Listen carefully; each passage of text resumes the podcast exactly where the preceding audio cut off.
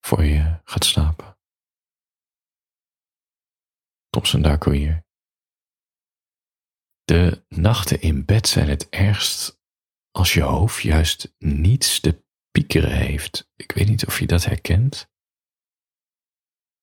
Maar dat je dan wakker ligt, nog steeds. Er zijn geen zorgen, maar je hoofd moet ook iets doen, dus ga je maar nadenken. Was dat die oploskoffie die ik vlak voor etenstijd nam? Was mijn dagelijkse rondje naar de AH te weinig beweging voor mijn lijf, zodat ik eigenlijk niet moe genoeg ben?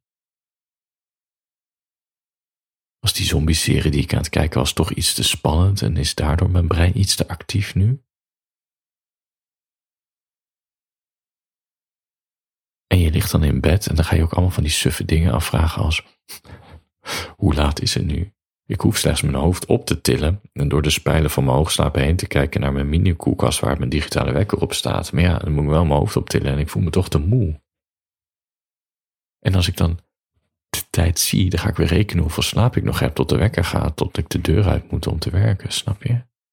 En ja, dan ga ik daarover piekeren. Over hoeveel uur ik nog heb en hoeveel uur verlies dat is. En dat ik morgen zo vermoeid en zo vertiefd ga zijn en dat het niet opschiet. Ik zou nu kunnen masturberen. Alleen ik merk dat mijn lijf al in slaapstand is. En waarover te fantaseren. Op sommige dagen besteed ik de fantasie liever uit aan het scherm. Laten we zeggen, mensen die. Ik als voyeur kijken naar mensen die dingetjes doen omdat mijn geest soms gewoon te moe is om het zelf te bedenken. Gewoon even mezelf uitzetten, snap je? Wat overigens wel grappig is dat het vrije internet de hele porno-industrie om zeep heeft geholpen. Net zoals natuurlijk de fotografie de portretschilders werkloos heeft gemaakt. Wat me weer doet afvragen of die huidige AI, chat, GPT-3 en stuff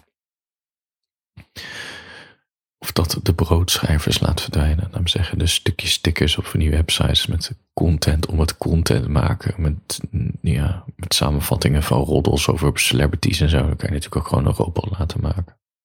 Maar ja, zou AI ook mijn kunst bedreigen?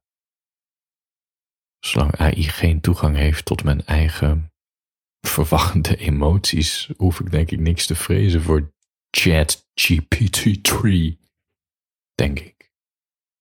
Oké, dit is hem dus. Hier kan ik me dus om druk maken. De angst dat zelfs mijn kunst betekenisloos is en vervangen kan worden door iets vaags als AI. En weet je wat het ook is? S'nachts voelen angsten altijd aan als, als The Walking Dead of zo. Je die serie? Ik bedoel, het mag duidelijk zijn dat wij mensen de wereld naar de tyfus helpen. Maar als we erover fantaseren dat die wereld naar de tyfus is, dan gaat het altijd over mensvretende monsters die achter ons aanzitten. Dus de mens zit achter zichzelf aan. En die maken dan van die geluiden. Dat kan je alleen verzinnen. S'nachts als er geen live programma meer op tv is. Over tv gesproken. YouTube en Netflix die zijn eigenlijk wat de fotografie voor de portretschilders heeft gedaan. Wie kijkt er nu nog reguliere tv? En het wordt wel heel langzaam die keel dichtgeknepen van de reguliere tv, maar het is naar beneden aan het gaan. Heel langzaam. Het is een beetje alsof YouTube en, en ja, misschien ook TikTok ook wel van die glasscherfjes in het eten stoppen van, um, van tv-zenders. En dat je het elke dag eet en niet in de gaten hebt, maar ondertussen al die glasscherfjes zo in je maag en in je darmen, die brengen allemaal ontstekingen en je voelt je steeds slechter en dan tot op een dag, dan kan je niet meer wakker worden. Tegelijkertijd zijn er ook muziekzenders die heel, een hele snelle dood zijn gestorven. Muziekzenders. Weet je, toen ik. Toen nu een beetje opa verteld, maar goed, ik uh, kan de slaap toch niet vatten. MTV, TMF, The Box, Excite, als de tv aanstond, stond hij op een van deze zenders. ik kan me nu niet zo goed voorstellen dat ik hier naar kijk. Want er is altijd wat te zien op YouTube. En TikTok duwt nu weer YouTube omver. Want zelfs je buurmeisje kan met een raar dansje een kijkcijferhit van 7 seconden worden. voor je gaat slapen, vind ik het meest irritante aan bij bewustzijn in bed liggen, dat je lijf stilstand niet accepteert. Laat me zeggen de grafkisthouding op je matras. Was er niet eens een mensensoort, nee, mensen, een stam, waar als ze mensen begroeven, dat ze mensen op de zij in een graf legden? Volgens mij stammen daar wij Nederlanders daar vanaf. Dat is zo'n stam die ergens vanuit Rusland zo'n hele rechte lijn naar Nederland heeft gelopen. En ondertussen hebben ze allemaal van die nederzettingen met, um, uh, waar ze mensen hebben begraven. En daar hebben ze zo'n grafheuvel van gemaakt. En die grafheuvels, kan je zo'n beetje een soort rommerige lijn richting uh, Rusland. En doordat mensen op een zijde in zijn gelegd, weten ze dat het dezelfde stam was. En waarschijnlijk stammen wij, pun intended, vanaf. Maar goed, als ik dus in bed lig, dan is het opzij, rug opzij, feutushouding. Op een gegeven moment als de slaap echt niet komt, draai ik me volledig om. Leg ik mijn kussen aan de andere kant van het bed en dan ga ik maar aan die kant liggen om tot, tot, uiteindelijk tot de conclusie te komen dat dit helemaal niet opschiet. Over begraven worden gesproken. Als ze mij in mijn kist leggen, mogen ze me wel op mijn buik leggen en dan zo met mijn hand tussen mijn benen. Dat vind ik zo'n lekkere lichaamhouding. Gewoon dat het lekker voelt. Vooral als de slaap niet komt.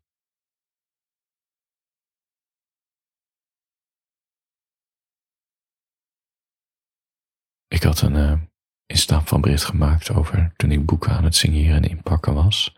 En ik probeerde te omschrijven wat allemaal in mijn hoofd gebeurde die week. En dat waren, nou ja, vrij negatieve, heftige emoties. Um, gevoel van falen had ik vooral. Nou ik was meer de aanschouwer van deze gevoelens. Ik, ik liet me er niet door, mees, niet door meeslepen, maar ze waren aanwezig en dat wilde ik uh, vertellen. En iemand reageerde en zei: Wat ben je streng voor jezelf?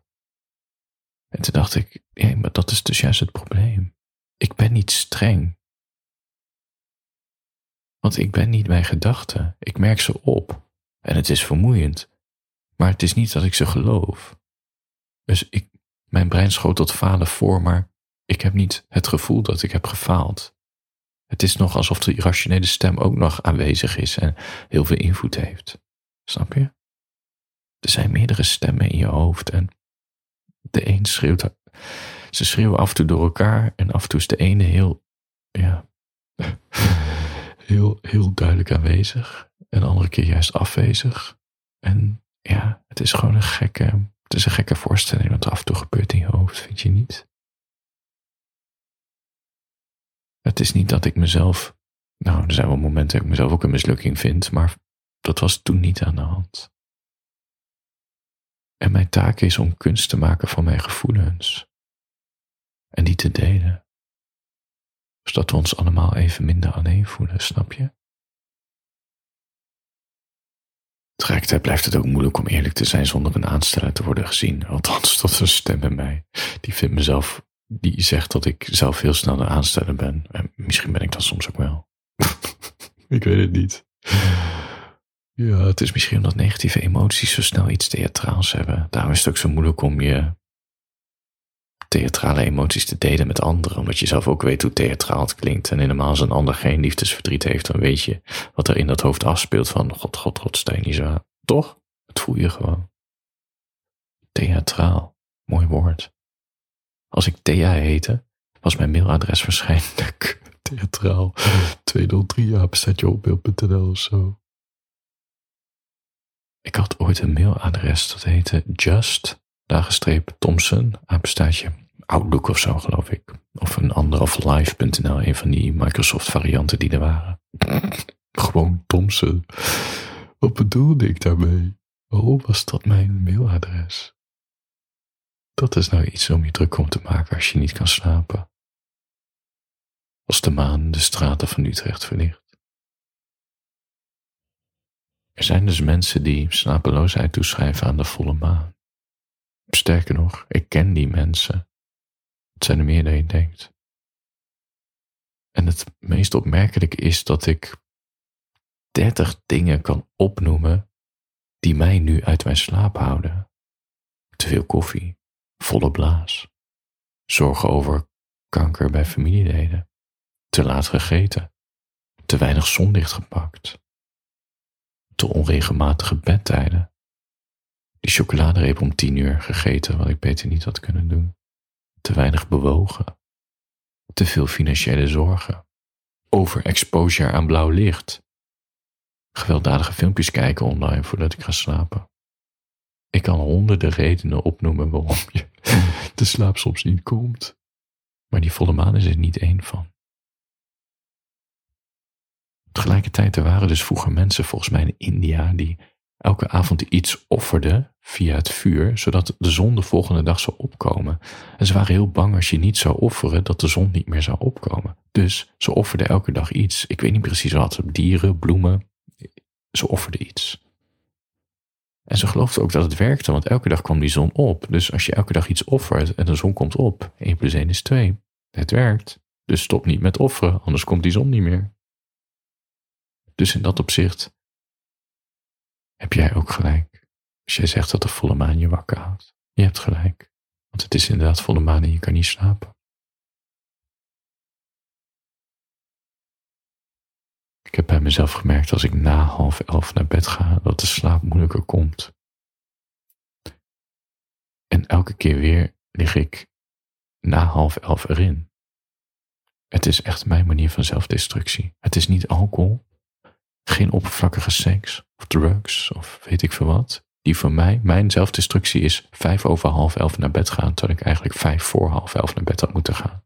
Waanzin, waanzin. Hoe later ik naar bed ga, hoe moeilijker ik in slaap kom, hoe lichter de slaap, hoe meer gedachten er rondgaan. Gerommel bij de voordeur. De piep van de deur die open gaat.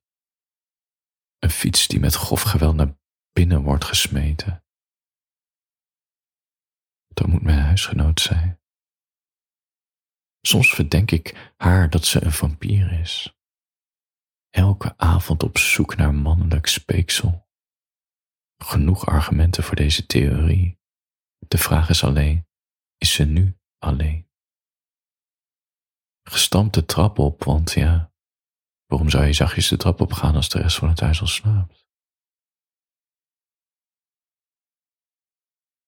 vier onregelmatige passen, gefluister, haar stem, een mannenstem, rinkelende sleutelbos, geklooi met het slot dat van de deur af, dat van de deur gaat naar haar zolder toe, gestamp op de trap naar haar kamer toe. Laat ze alsjeblieft gaan slapen. Laat ze alsjeblieft gaan slapen, want de stereo gaat aan te horen aan het kraakgeluidje van de boksen. Golden Brown klinkt, het liedje wat ze het vaakst draait, het liedje dat ze op haar begrafenis moeten draaien. Poëtisch wel, dat je heel vaak naar je eigen nummer luistert die je graag op je eigen begrafenis wil laten horen. En ook wel, als ik het gefluister goed heb gehoord, dat ze dit nummer laat horen aan haar nieuwe lover of wat hij ook is. En zelfs die gele schuimpjes in mijn oor, die laten de muziek niet stoppen. En daarna volgt Iggy Pop. En daarna Michael Jackson. Vampieren slapen nooit. Misschien wordt het eens tijd dat ze mijn speeksel gaat stelen. Dan hebben we in ieder geval samen nog wat te doen s'avonds, als de slaap niet komt. Slaap